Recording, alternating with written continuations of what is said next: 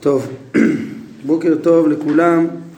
פעם שעברה למדנו פרק ו' ותחילת פרק אה, ז'. אנחנו צריכים להשלים את אה, פרק ז' וגם אה, להשלים כמה דברים, ב... להשלים איזה שתי נקודות בפרק ו'. פרק ז' ילד, זה בעצם, לא שמתי לב, זה פרשת תולדות. הגענו למשמעויות ילד. כן, אז, אז בפרק ו' אתמול אה, ראינו, הרמב"ם דיבר על איש ואישה, שזה גבר ואישה מבני אדם, זכר ונקבה, והחידוש הוא שזה גם המונח אישה הושאל לכל דבר מוכן ומיועד להתחבר לדבר אחר. כמו שנאמר, חמש היריעות תהיינה חוברות אישה אל אחותה. והרמב"ם אה, מסיק, הרי התבהר לך שגם אחות ואח כן, אחותה, הם רב משמעיים על דרך ההשאלה כמו איש ואישה. אז אמרתי שה, שהקרוב בעיניי שהוא רומז לביטוי אה, חוברות אישה אל אחותה שנאמר על כנפי החיות במעשה מרכבה.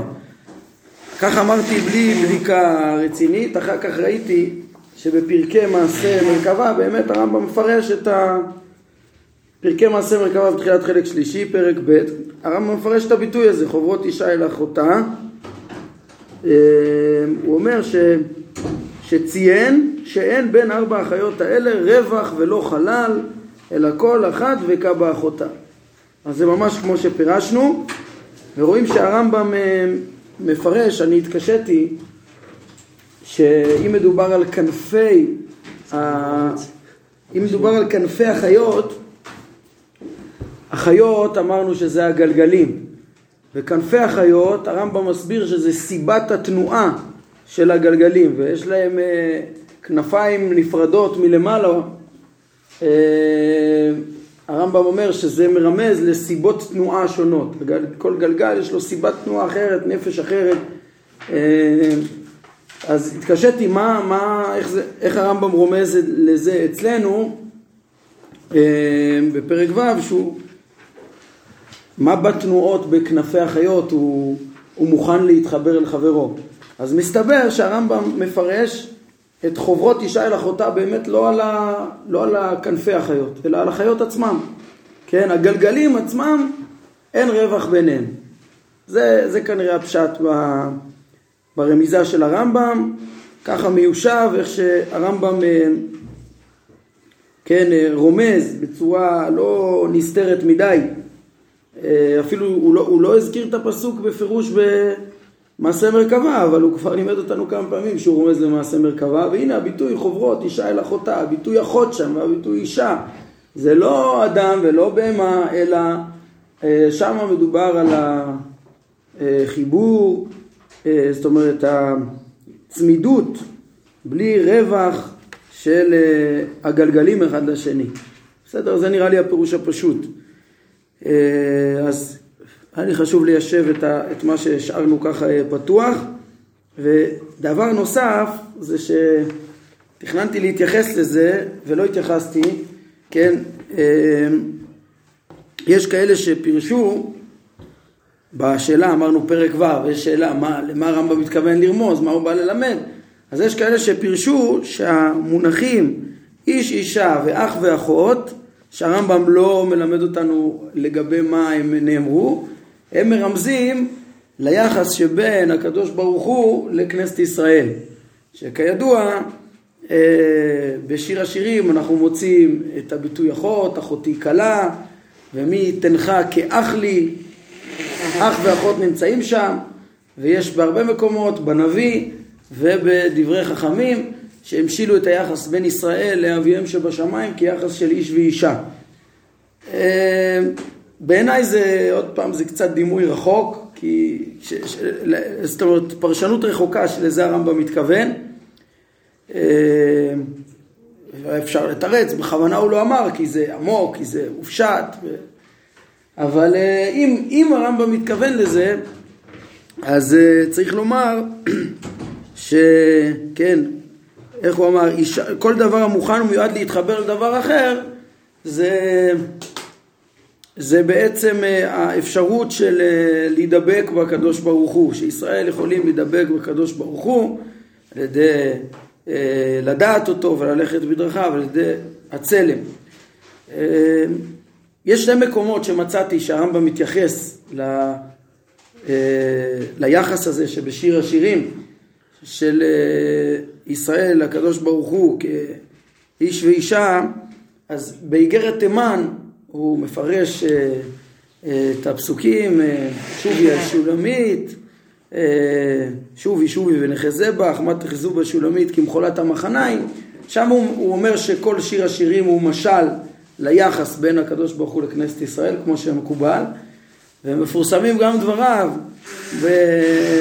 במשנה תורה, שהוא אומר, כן, בסוף הלכות תשובה, פרק י', הוא אומר שכל שיר השירים הוא משל לאהבה שבין האוהב השם הפרטי לבין הקדוש ברוך הוא. שם הוא הפך את זה למשל יותר ברמת האהבה בין ה, כן, הקדוש ברוך הוא לאוהב. אה, אז זה שתי ההתייחסויות שמצאתי ברמב"ם, לדעתי זה קצת רחוק ש, אה, שלזה הרמב"ם מתכוון כאן, אבל אם הוא התכוון כמו שאמרנו, אז אז הרמב"ם רומז שיש אפשרות, כן, לדבוק בדעת בריבונו של עולם, אה, כי זה, זה האפשרות להתחבר. היתרון בפירוש הזה, אה, על פני הפירוש של הרב מקבילי, שזה מפרש בבת אחת מה זה אח ואחות, אישה ואיש ואישה, אה, כאילו כי, ה, כי בשיר השירים אמרנו, יש גם את הביטויים אחותי ואח ואיש ואישה, והרב מקבילי ניסה, אם תסתכלו פה בהרחבות, הוא ניסה לקחת את זה לכיוונים אחרים, מה זה אח ואחות ואיש ואישה והכל פה רמזים רחוקים. כבר הערנו כמה זה רחוק להגיד שפה הוא בא לרמוז מה המשמעות כל הסיפור בגן עדן, שזה, שהכל משל לחומר וצורה. לא כתוב פה חומר, לא כתוב פה צורה, אפילו שאמרנו שיש פה אפשרות שאישה במקומות אחרים, בהקדמה רמון פירש שזה חומר. אבל שאיש ואישה ירמוז לסיפור שם, בעוד שיש שם את הביטוי איש רק פעם אחת, ולא בהקשר שזה מתאים כל כך לפרש לצורה מאיש לו כוחזות, זה נראה רחוק בעיניי מאוד.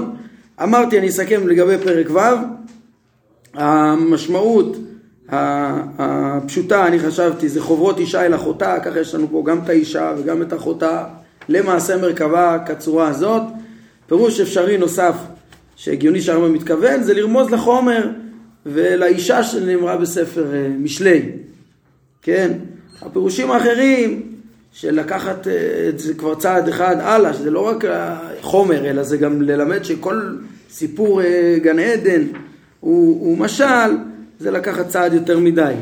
אפילו שיש באותו סיפור, באמת הרמב"ם אומר שיש שם רמזים לחומר, באישה, אבל לא לקחת שכולו משל. כמו שהרב מקביל לי פעם אחר פעם, מי שיעקוב אחרי הפירוש שלו, יראה שהוא אה, ממש הולך לכיוון הזה. אה, זה פירוש רחוק, גם הפירוש הנוסף שהוספתי על היחס בין הבורא לעם ישראל, זה גם כן קצת רחוק בעיניי שזה הרמז בו. טוב, אז זה לגבי פרק ו', פרק ז' כבר גם ראינו את רובו על הילד, שזה יכול להיות הולדת בנים, ויכול להיות אה, במשמעות של אה, יצירה, כן, בטרם ערים יולדו, או הצמחה, הגשם מוליד ומצמיח את הארץ, או קורות ההיסטוריה, כי לא תדע מה ילד יום, והמשמעות העיקרית שהרמב"ם אה, רצה ללמד אותנו, זה גם יכול להיות שזה הולדת מסקנה שכלית, השגת מידע חדש, אה, כמו וילד שקר או וילדי נוכרים ובילדי נוכרים יספיקו אה, שזה מה שהוביל לכינוי בני הנביאים, כן, תלמידים קרואים בנים וכדומה ובהתאם אה, לזה פירש הרמב"ם את מה שנאמר על, על שת שאותו הוליד אדם והיולד בדמותו כצלמו. כן, אז הרמב"ם אמר שהוא נטע בו בינה, לימד אותו, אדם הראשון לימד את בנו שד נטע בו בינה והרי נשלם בשלמות האנושית ולכן נאמר עליו והילד בדמותו כצלמו. אה, יכול להיות שהרמב"ם מפרש את הביטוי ויולד, ככה נראה לי, בשתי משמעויות כאן. אה, הוא לא בא לפרש שזה רק במשמעות של אה, לימד אותו, אלא הוא גם הוליד אותו וגם לימד אותו, וזה בסגנון של הדברים שהרמב"ם מפרש שמש, שגם פשוטו של מקרא נכון וגם הרמז שיש בו, כן, כמו שהיינו בפרשת הסנה, כן, ואסתר ומשה פניו, נראה בפרשת נקרת הצור ועוד פרשיות, שכמו שאנחנו טוענים במעשה אדם וחווה בגן עדן, הסיפור היה כפשוטו, חוץ ממה שהכרחי להוציא אה, מפשוטו, ויש רמזים בתוך, אה, בתוך הלשונות. ואסתר משה פניו כי הרי מהביט אל האלוהים, הוא באמת אה, כיסה פניו מלהביט אל האור המתגלה, וגם משה נזהר מאוד מאוד בהדרגה בהשגת האלוהות. אז גם פה, ויולד בדמותו כצלמו, הוא גם הולידו. אבל למה בו נאמר דווקא, ומה זה להוליד בדמותו כצלמו? לפי הרמב"ם זה לא דמיון אה, אה, בתבנית האיברים, אלא הוא גם לימדו. יש פה דו אה, משמעות בביטוי הזה. עכשיו יש כאן, עכשיו אנחנו משלימים את פרק אה, ז' בעזרת השם. אה, בהקשר הזה אומר הרמב"ם שרק שת לעומת שאר בניו הילד בדמותו כצלמו אומר הרמב"ם כדברים הללו יודע אתה שכל מי שלא השיג אותה צורה שביארנו את עניינה את התודעה, את החוכמה, את ההשגה של השכל בפועל, השכל האלוהי שאדם ניחן בו מי שאין לו את ההשגה הזאת אינו אדם הוא לא קרוי אדם, כן? אלא בעל חיים בתבנית אדם ומתארו. כן, זאת אומרת חיצונית הוא נראה כאדם, אבל אם אין בו את צורת האדם, שעליו נאמר נעשה אדם בצלמנו כדמותנו, אם אין בו את הצלם, אז זה לא האדם של בצלמנו כדמותנו, אלא זה תולדה של אה, גוף שנולד מאדם, הוא, יש לו תואר ותבנית של אדם, אבל את עיקר צורתו ושלמותו אין לו. כן, הוא בעל חיים. תגידו מה, הגזמת הרמב"ם? מה, הוא כבעל חיים? אומר הרמב"ם צודקים, הוא לא דומה לבעל חיים, הוא יותר גרוע. למה? אדם כזה שאין לו את הצלם אלוקים, אלא למה? כי יש לו יכולת לגרום מיני נזק ולחולל רעות, יכולת שאין לשאר בעלי החיים.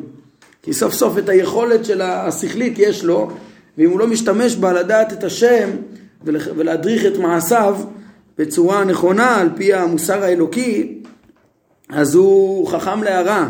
יותר משאר בעלי חיים, הוא משתמש ביכולת שלו להרע.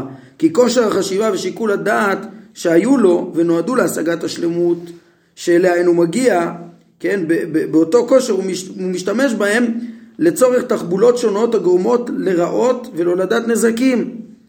והרי הוא דבר הדומה לאדם או מחקה אותו, אבל פשוט להרע, פשוט להזיק, משתמש בכוח המופלא הזה של ה... תבונה להזיק. וכך היו ילדי אדם הקודמים לשת. כן, ככה זה, זה היה שאר ילדי אדם הקודמים לשת, שלא היה להם את הצלם אלוהים.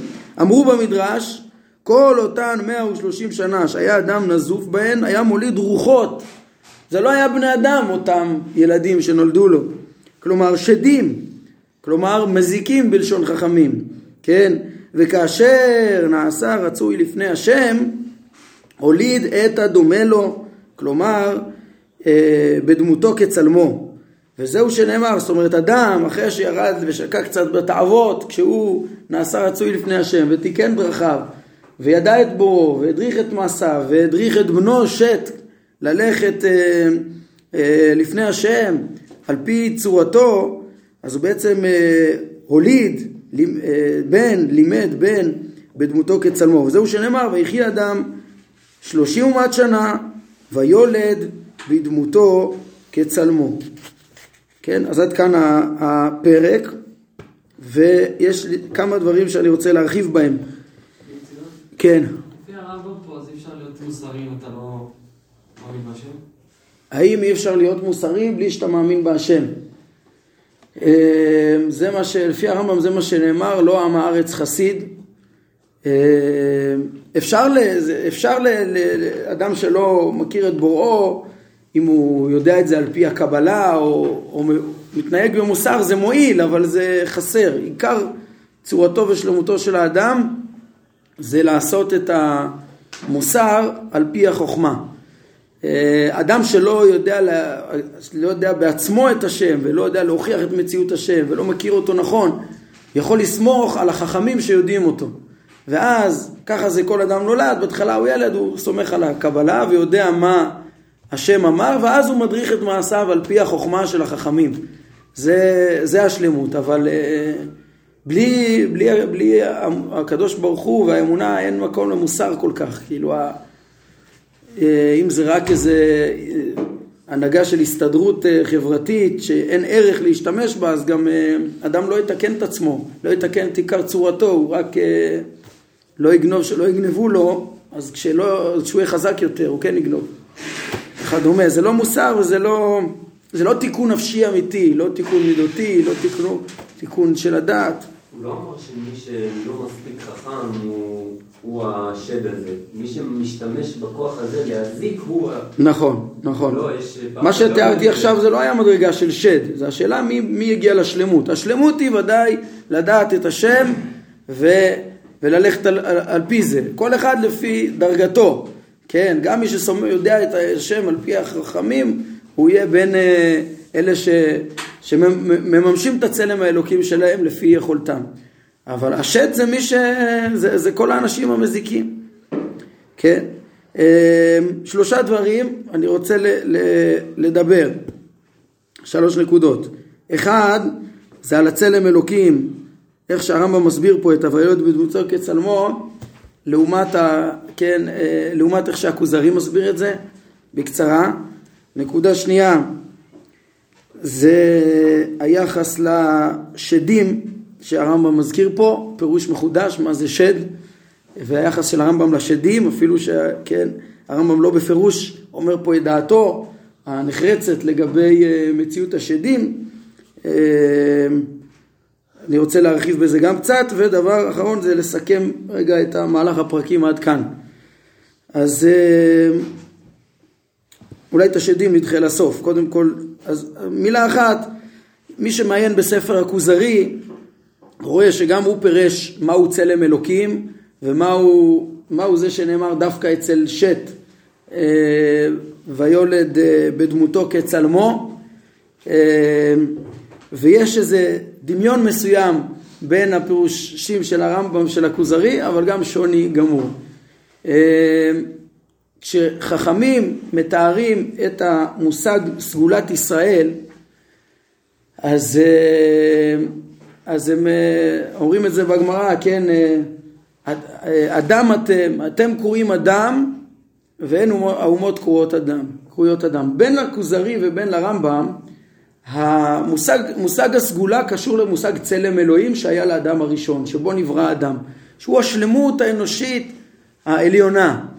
ולפי שניהם השלמות הזאת המשיכה, אה, עברה לשת וככה אצל יחידים, והיא זו שמופיעה בישראל ונעדרת מאומות העולם.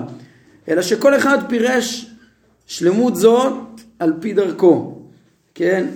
אה, וזה שהכוזרי פירש, אה, כן אפשר לראות את זה בהרחבה בסעיף צ"ה במאמר ראשון, הוא מפרש איך שאדם נברא בצלם אלוהים בשלמות, לא רק פיזית, בכל כוחות הגוף והנפש והשכל, אלא גם בתכונות אלוהיות, שמאפשרות לו את אה, קרבת השם, אה, את, ה, את החיבור אליו, את הדבקות בו שמתבטאת בנבואה, בהשגחה.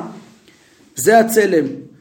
וככה רבי יהודה הלוי מבין, זה עבר באופן מיוחד לשת, שאר הבנים לא זכו לאותו צלם של אדם, וזה אותו עניין אלוהי כידוע, עבר ביחידים, דור אחר דור, אפילו אצל אברהם ויצחק הוא עוד uh, עבר רק לבן היחיד שלהם, יצחק יעקב, ורק אחרי יעקב החלה האלוהיות להימצא בקהל, כן, זה על פי דברי חז"ל שאומרים שיעקב הוליד י"ב שבטים שאין בהם דופי, כן, אחרי ש... אה, כן, יש, הגמרא בשבת, קנ"ו נראה לי, אומרת שמאז חטא אדם הראשון הטיל הנחש בחווה זוהמה. ויש מחלוקת מתי פסקה הזוהמה. כן, רבי יהודה הלוי מביא את הדעה שהגמרא אומרת, הזוהמה הזאת זה ההבדל בין ישראל לעמים. כן, כי אומות העולם הם מזוהמים באותה זוהמה. ישראל, או היחידים, ישראל הם לא מזוהמים באותה זוהמה. אה, מתי פסקה זוהמה? מצאצאי יעקב. זה שיטת הכוזרי, והוא מדבר על צלם אלוהים בעצם כתכונה אלוהית נפשית שעוברת בצורה אה, תורשתית מאב לבן, בהתחלה אצל יחידים ואז אצל אה, אה, אה, י"ב השבטים ואצל כל ישראל בקהל. ככה, בלי שינוי. זה המושג, זה המושג. אפשר להוציא אל הפועל את הצלם, את הסגולה, אפשר, אפשר שלא. הכוזרי בעצם יש לו פשט נפלא בספר בראשית, כן, זה בני האלוהים, אה, בני שת, כמו שאבן עזרא מביא, ולא בנות האדם, בנות קין. יש שם... לפרש פה ויולד בשתי משמעויות, הוא פשוט הוליד אותו. נכון, לפי הכוזרי הוא ילד אותו, הוא ילד בצלם ועבר לו הצלם, עבר לו הסגולה. ולגויים אין את הצלם, אין צלם אלוהים כמו שיש בישראל, כן. הם משהו אחר, מדרגה אחרת, העניין השכלי, לא העניין האלוהי. זה השיטה של רבי יהודה הלוי, וישראל, אתם קרואים אדם, כי לכם יש את הצלם אלוהים של אדם הראשון. אז הרבה פסוקים מתפרשים יפה ככה לפי הכוזרי. אה, הרמב"ם מפרש גם כן שהצלם זה התכונה שלה, שמאפשרת לאדם להידבק בבורא, כן, והיא עיקר מעלתו האלוהית, אבל הוא מפרש שזה התודעה שלו, ואצל הרמב"ם זה לא משהו אה, גנטי כמו שאצל הכוזרי, כן, גם אצל הרמב"ם כמובן יש בחירה אה, בישראל נצחית, אבל הרמב"ם הוא דווקא כנראה הולך עם הדעה שאומרת שמתי פסקה זוהמה מישראל? כשעמדו ישראל על הר סיני, זו הדעה השנייה בגמרא, אז פסקה זוהמתם. הרמב"ם בתחילת הלכות עבודה זרה, פרק א', כותב שהקדוש ברוך הוא בחר בישראל, עשה משה רבנו ובחר בישראל, ואז נתן להם תורה. הבחירה בישראל הייתה ביציאת מצרים לקראת אה, מעמד הר סיני, שם הייתה בחירה נצחית, הרמב"ם מדבר על הבחירה הנצחית שבישראל שלא יכולה לבטל באיגרת תימן ובכמה מקומות, כן, כמו שהבורא נצחי, ככה גם אה, הבחירה בישראל נצחית, דבר שאין לו הפרה. הוא מדבר גם על התכונות הישראליות המיוחדות, שהגמרא מזכירה רחמנים, ביישנים, גומלי חסדים, אבל אצל הרמב"ם זה בחירה אלוקית שהתחילה במעמד הר סיני. אה, זה לא היה, והצלם האלוהי, שבאמת ישראל מיוחדים בו, זה בעצם השלמות שהתורה מקנה, מקנה להם, כן? כל התורה והמצוות, אנחנו נראה בחלק שלישי, הם אה, כאלו שהם מרוממים את האדם, מיישרים את מידותיו ואת דעותיו ומדבקים אותו בבוראו ומביאים אותו אה, לדעת את השם וללכת בדרכיו, שזה עיקר הצלם. באופן תיאורטי, לפי הרמב"ם, הדבר הזה יכול להיות שייך בגויים. כן, היו יחידים לפני ישראל שפסקה זו המתה. הנה, אדם 130 שנה היה נזוף, ואז והילד בדמותו כצלמו, חזר להיות רצוי ולימד את בנו. והיו גם אה, חכמים וחסידים באומות העולם, הרמב"ם אומר שיש להם חלק לעולם הבא, כמו שחז"ל אומרים. אז אה, זה קשור, כן, לפי הרמב"ם גם אה, ממילא אפשר להבין את המחלוקות של רבי יהודה לוי והרמב"ם בעניין הנבואה לגויים ולגרים וכדומה, לא נרחיב. אבל, זה, אבל הצלם זה אותו תודעה נקנית, ולגויים אין את הצלם הזה, אפשר לציין פה את, ה, דברי הרמב"ם בפירוש המשנה בבא קמא, כן, לומדים עכשיו בבא קמא, אה, ששור של ישראל שנגח שור של אה, אה, גוי פטור, שלא כמו עם נגח של ישראל, תם חצי נזק, מועד נזק שלם, ושור של גויים שנגח שור של ישראל, אז הוא משלם נזק שלם, אפילו הוא תם, תמיד. למה? כן? אז uh, צריך לדעת, אצל הרמב"ם כל פעם שכתוב גוי, זה גוי עובד עבודה זרה, כן? ועובדי עבודה זרה כמובן לא יודעים את השם ורחוקים מזרח ומערב, כרחוק מזרח ומערב מהשלמות האנושית והרמב"ם אומר שהם בעצם, כמו, כמו שהוא כותב כאן, הם בעצם בעלי חיים בדמות אדם, בתבנית אדם ומתארו, רק מבחינה חיצונית, ורחוקים מהשלמות האנושית, רחוקים מהצלם, ו... ו... ו... והם ממש כבהמות. כן, ככה הרמב"ם מתייחס לרוב הגויים, כן, יש, יש, יש יוצא מהכלל, אבל זה הגויים עובדי עבודה זרה החסרים, והם אה, אה, גם אה, רבי הנזקים וכדומה. ישראל שלא מממש את הסגולה. מה? וישראל שלא מממש את הסגולה, כאילו. ישראל שלא מממש את הסגולה, אז הוא ישראל, הקדוש ברוך הוא בחר בו, אפילו אם יש אפילו... כן עצמי, כאילו יש פה... יש בחירה אלוקית נצחית בישראל, ישראל לא, גם אם הוא הומר לא צריך להתגייר שוב, ישראל גם אם הוא הומר אז יש לו דינים של ישראל לגבי, אה, יודע מה, הרבה דברים, טומאה וטהרה, אז רק ישראל מטמא באוהל, גם אם הוא מומר הוא מטמא באוהל. יש מושג ברמב"ם, צריך, אי אפשר להרחיב עכשיו, אבל יש אה, מושג של יציאה מכלל הדת בגלל שהוא כופר בעיקרים ומתייחסים אליו כגוי, אבל גם אז הוא נקרא אה, אפיקורס ישראל, כאילו מין מישראל, זה לא דבר שהוא, אה, אפילו לענייני הלכה, הוא נחשב אה, ישראל והוא לא כמו אה, גוי. ישראל מומר, יש מושג כזה, אפילו שהוא מומר לגמרי, בעיקרי אמונה הוא ישראל. על כל פנים, אה, זה, ה... זה, זה הנקודה הראשונה שרציתי, ההבחנה בין המושג הצלם, שהוא קשור למושג גם כן הייחודיות של ישראל, שיש להם את התורה שמובילה אותם לדעת השם שלמה והליכה בדרכיו למימוש הצלם האלוקי, אה, לפי הרמב"ם לעומת המימוש הסגולה לפי רבי יהודה לוי. נקודה שנייה, נסכם רגע את אה, מהלך. ה או תשימו לב, המושג צלם מקשר אותנו בצורה מאוד מאוד ברורה לפרק א', אה, אם אנחנו מסתכלים בשבעת הפרקים הראשונים, אז אפשר לראות שכולם אה, ממש אה, בצורה מאוד ברורה, יש להם מסגרת מאוד ברורה. הרמב"ם מרחיק את ההגשמה, המסגרת היא קודם כל על צד השלילה, כן? על צד השלילה, הרמב"ם מרחיק את המחשבה המוטעית שיש להשם תבנית אה, של אדם. כן, כמו שהוא פתח בחריפות נגד התפיסה שצלם פירושו תבנית אברי אדם, כן?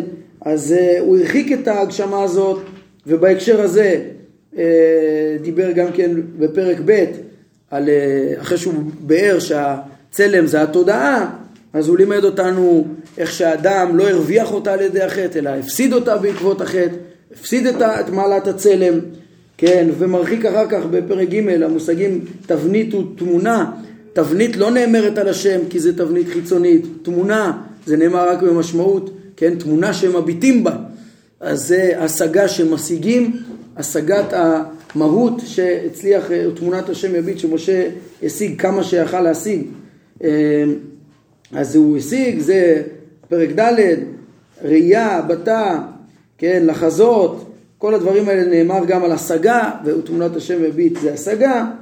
אה, ויסתר משה אה, פניו כי ירא מהביט, עוד פעם, אה, הבטה, ההתבוננות, כן, שזה לא ראייה פיזית, ואחר כך איש, אישה ולידה, אז קודם כל המסגרת החיצונית, זה מתואר פה המונחים כאילו של אדם, אדם ואישה ולידה, כל הדברים האלה, אבל זה מופיע בהקשר של, לפי מה שאנחנו פירשנו, להרחיק איזה מחשבה שבמרכבה העליונה יש איזה דמות אדם או בהמה, כן, והמונח ילד זה מתקשר לצלם, כן, הצלם האלוקי, הרמב"ם מפרש בהמשך להבנה שזה התודעה של האדם, אז הוא מפרש לנו מה המשמעות ויולד בדמותו כצלמו. אמ, כן, גם ה... בכלל הדברים, ראינו מסרים חשובים של מה היא, זאת אומרת, עד עכשיו התרכזתי בתבנית החיצונית בעיקר. הרמב"ם בכל הפרקים האלה שלל את הדמיון של תבנית אה, גשמית, תבנית איברים לבורא, וכן, בגלל זה התעסק בצלם ודמות ותמונה וראייה והבטה וכדומה, ובמקום זה בנה לנו אה, ורמז לנו למשמעויות יותר מופשטות של הבנת, שלימדו אותנו על מעלת האדם בשכלו, בתודעתו והאפשרות להשיג מענה בדמות, בדמיון מסוים, להשגה האלוקית, שבזה נתייחד האדם, והזהירות שצריך להתקדם בדבר הזה. אז נגעתי בשתי נקודות מתוך שלוש שרציתי. הנקודה האחרונה זה הנקודה של השדים, אז זה לא מעניין הפרק, אז אני אגיד ממש בקצרה ובזה נסיים, אה, לא, לא באופן ישיר. בעצם הרמב"ם פה אה, חידש לנו ואומר, המושג אה, שד זה אדם מזיק, זה אדם שמשתמש בשכלו להזיק. השדים זה, אצל חז"ל זה מילה נרדפת למזיקים. עכשיו פה, אה, בהקשר הזה שהוא בעצם מסביר לנו את המונח שדים, לא במשמעות של אה, איזשהו יצור חצי רוחני, חצי גשמי אה, שמזיק, אלא מדבר על בני אדם מזיקים, אז קצת יש פה רמז לשיטה שלו באופן כללי, ש... מתעלמת ומתנגדת להבנה של אותה מציאות שהמדע לא מכיר אותה, אה, של חצי רוחני חצי גשמי. כן, וזה מחלוקת ידועה שיש, לרמב, שיש אה, לרמב"ם והרמב"ן, אה, שהרי יש הרבה אגדות שמתארות את השדים ואת מה שהם עושים, את הפעולות שלהם, והרבה הלכות נגזרו גם כן מהזהירות מהם וכדומה. והרבה סוגיות, הרבה אגדות, שהרמב"ן מבין שחז"ל מוסרים לנו שיש אה, מציאויות כאלה רוחניות והרמב"ם בהתאם למידע הפילוסופי שיש בזמנם שזה נמנע מן הנמנעות לגמרי אז אה, לא מקבל את הדברים האלה. אז נגיד על זה כמה מילים.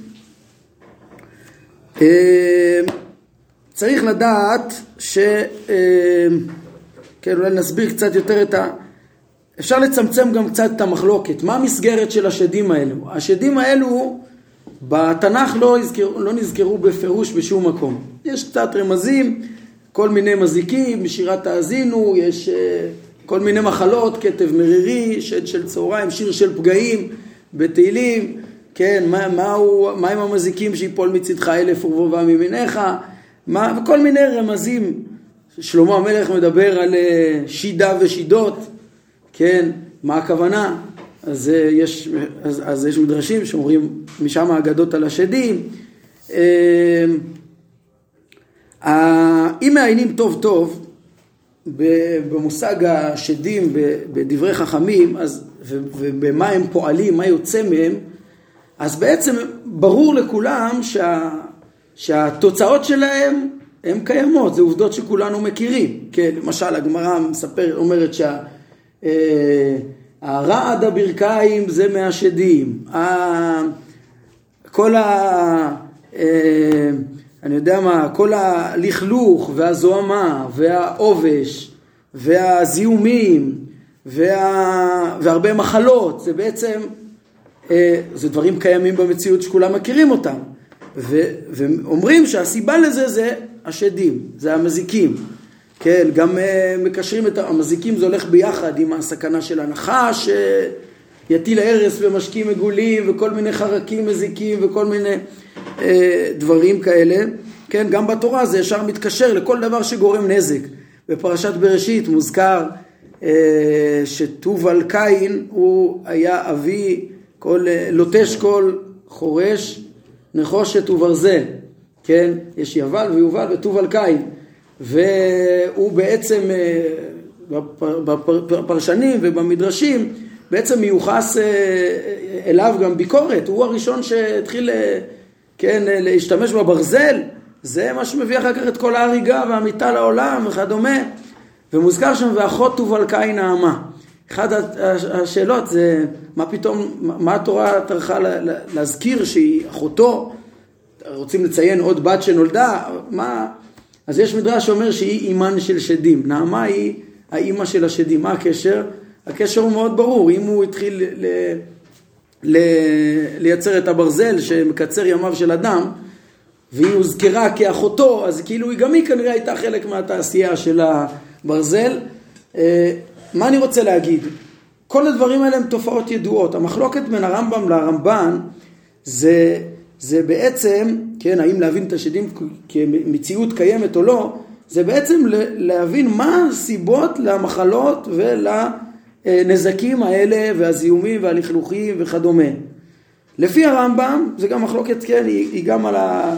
מה, מהו השטן ומהו יצר הרע. יש להם מחלוקת ידועה בזה, כן? הרמב"ם אומר שהשטן והיצר הרע זה עצם החומר בתכונותיו החסרות.